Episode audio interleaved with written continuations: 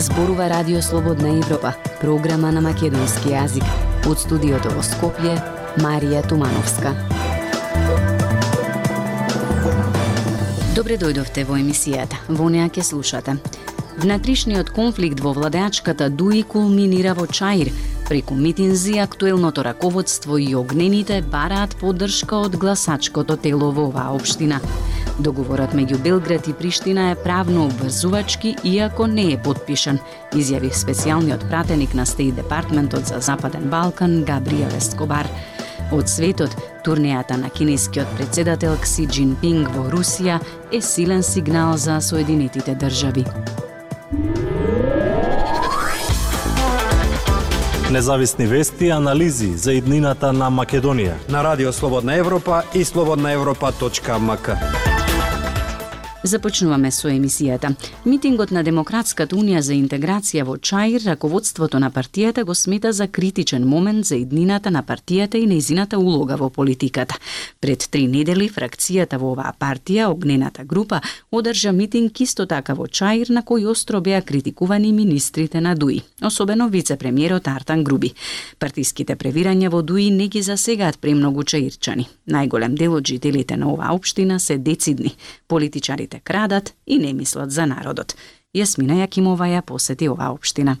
Со последниот митинг во Чаир се продлабочува битката на Дуи во неголемата општина со мнозинско албанско население во Скопје. Овде е сконцентрирано главното гласачко тело на партијата во македонската метропола.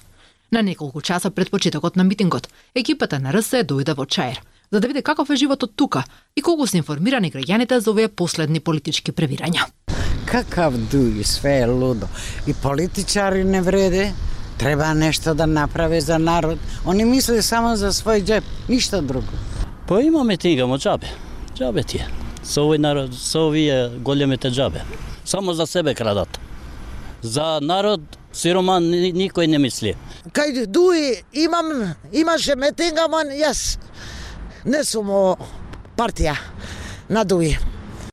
По две децени и релативно мирно владење, приверањата во Дуи започнаа лани, кога во партијата се издвои така наречената огнена група, предводена од поранешниот чаерски градоначалник и сегашен подпредседател на партијата, Изет Меджити. Огнените побараа министерски смени, меѓу другото и на вице-премиерот Артан Груби. Место тоа, добија промена во врвот на партијата во Чаер, на нивна штета.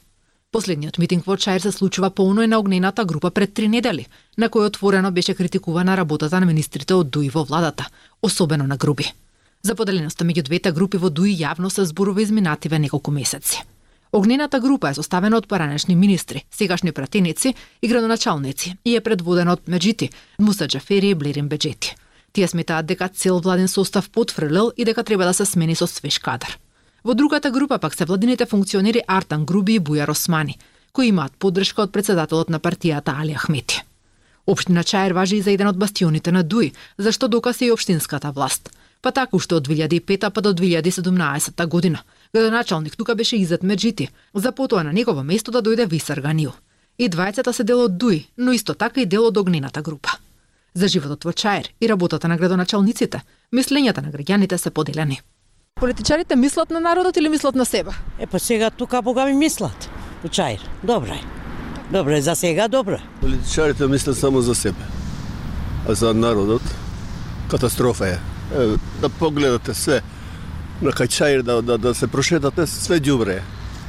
Ништо нема. По сега Алиамете не е криве. Криве тие и зад меджети, тоа е како се се вика тоа е групи. За огнените Последниот митинг е собир на артанисти. За остатокот од партијата пак ова е историско случување. За најголем дел од Чирчен пак е неважен, бидејќи нема да биде дел од него. Слободна Европа. Следете на на Facebook, Twitter и YouTube. Косово и Србија да почнат веднаш со спроведување на договорот на кој се согласија во Охрид. Порача на виртуелната дискусија со новинарите специјалниот представник на САД за Западен Балкан Габриел Ескобар. Тој истакна дека договорот постигнат во Охрид е правно обврзувачки и дека и двете земји имаат обврски според чие исполнување ќе бидат оценувани на европскиот пат. Прилог на Зорана Гаджовска-Спасовска. Постигнатиот договор меѓу Косово и Србија во саботата во Охрид е правно обврзувачки за двете страни од секој аспект. И двете земји ќе бидат оценувани за сработеното од договорот, изјави на 20 март американскиот специјален представник за Западен Балкан Габриел Ескобар на брифинг со новинарите од целиот Балкан. Во саботата на 18 март во Охрид косовскиот премиер Албин Курти и српскиот председател Александар Вучич се договорија со посредство на високиот представник на Европската унија Жозеп Борел за спроведување на така наречениот бриселски предлог за норм нормализација на односите. Овој договор ќе продолжи да биде основа на американската политика како и на европската политика за проширување, а Косово и Србија треба веднаш да започнат со спроведување на договорот за нормализација на односите, додаде Скобар. Европскиот пат на Косово и Србија е крајно условен од спроведувањето на овој договор, изјави тој. Тој се надава дека Косово и Србија ќе ги земат како позитивен пример односите меѓу Северна Македонија и Грција. Имаше многу символизам тоа што настанот беше одржан во Охрид, во земјата која има одлични односи и со Србија и со Косово.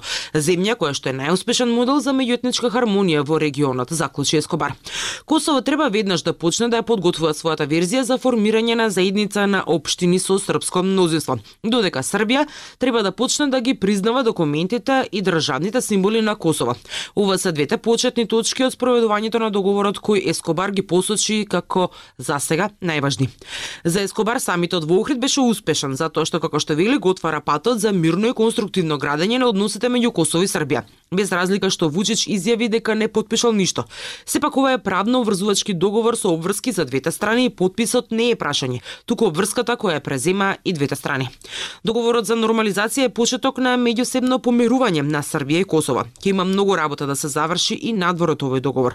Дополнително диалогот во посредство на Европската унија ќе продолжи, а она што е важно е дека се одредени маркери како овие две земји да се движат напред. Затоа имплементацијата мора да почне веднаш за двете земји да ги почувствуваат бенефициите, кажа Ескобар на виртуелната средба со новинарите. Во однос на земјите од регионот Ескобар истакна дека клучен предизвик и натаму за Западен Балкан е справувањето со корупцијата. Сите земји од Западен Балкан имаат многу работа да завршат. Борбата со корупцијата, како што често велам, е најверојатно најголемиот долгорочен предизвик за целиот регион. Сакам да видам повеќе напредок во регионот во борбата против корупцијата, изјави Ескобар.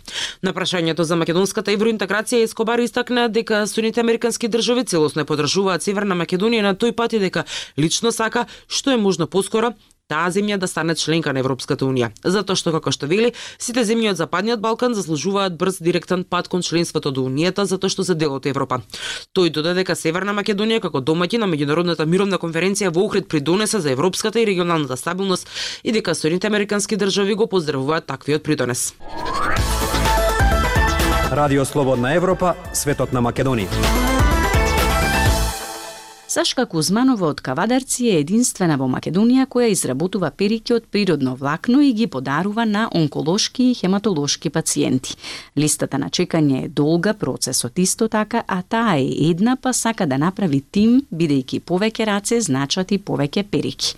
Прилогот на оваа тема го подготви Емилија Бунтеска Нацовска.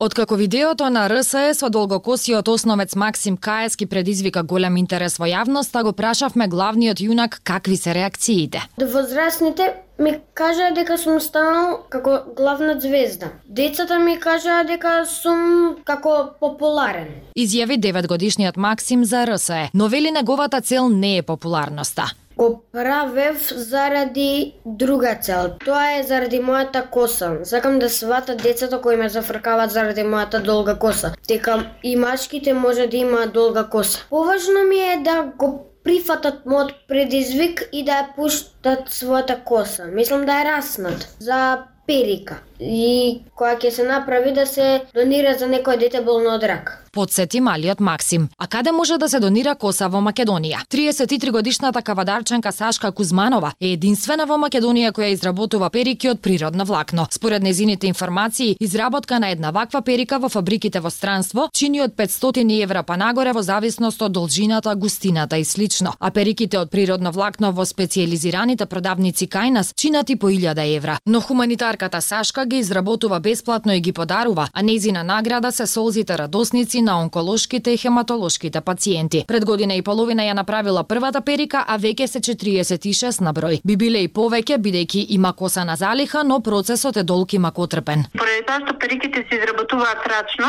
рачна изработка, 100% рачна изработка, една перика значи треба од 21 до 31 ден за изработка на таа перика и значи поминуваат од 10 до 12, некогаш и 13 работни часа, шиејќи и претејќи ги изработувајќи ги тие перики. Истакна хуманитарката. На списокот на Сашка веќе има 88 луѓе кои чекаат за перика. Моментално изработува 3, а има уште 30 на парчиња коса кои чекаат да станат перики, но не запира со собирање на донирана коса. Секој што сака да подари, може да ја контактира Кузманова на незиниот профил на Facebook. Не е услов косата да ја има природната боја, но има услов за должината, порачува Сашка. Таа треба да биде природна, но и бојадисана, поради тоа што некој пациент, значи, пример, предходно на некоја пациентка косата е била руса или црвена, па се со цел да не оштетува на природната коса, имаме нели бојадисана за да му помогнеме на секој пациент. Косата треба да биде врзана во конјско опавче или плетенка и да биде од 25 см па нагоре. Вели Кузманова, секој пациент кој сака бесплатна перика од природно влакно може да се запише на незината листа, но децата имаат предност поради возраста. Редицата е долга, а Сашка е една. Па периодов обучува две млади девојки да ја помагаат, бидејќи повеќе раце значат и повеќе перики. Во проектот и помагаат и две млади битолчанки од акцијата Сите заедно во борба со канцерот. Косата која ја собираат тие доаѓа кај Сашка, а таа се надева дека со зголемување на тимот кој изработува перики, за скоро ќе се насмевнат многу повеќе лица.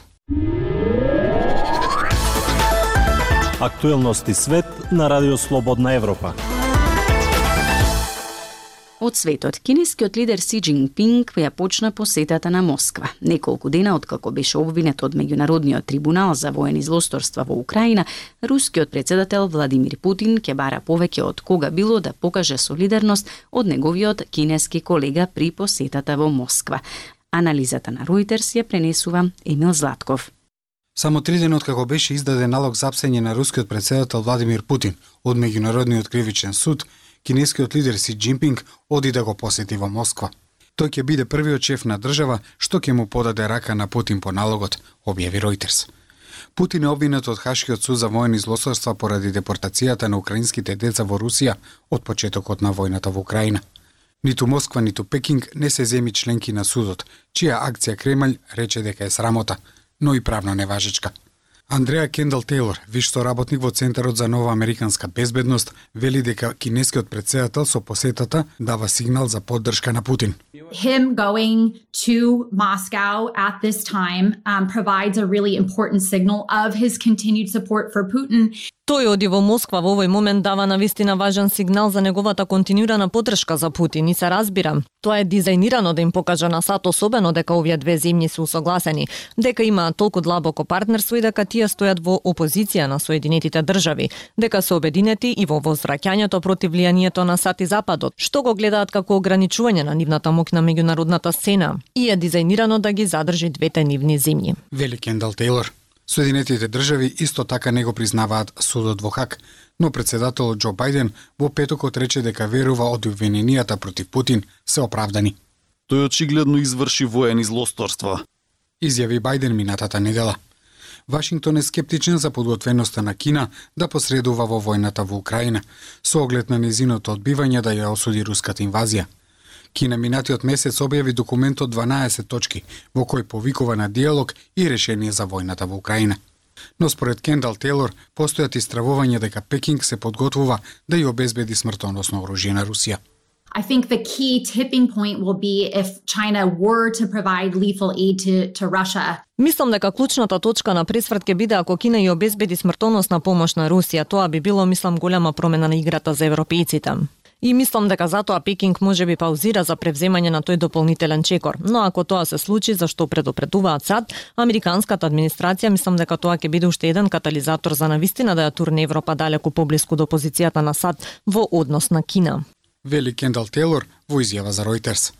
Изолиран на глобалната сцена, Путин повеќе од кога било ќе бара знак на солидарност од Си, кого во текст објавен во кинески весник го опиша како стар добар пријател. Минатата година двајцата лидери подпишаа така наречено стратешко партнерство без граници. Толку во оваа емисија ја слушавте програмата на македонски јазик на Радио Слободна Европа. Од студиото во Скопје ве поздравуваат Дејан Балаловски и Марија Тумановска.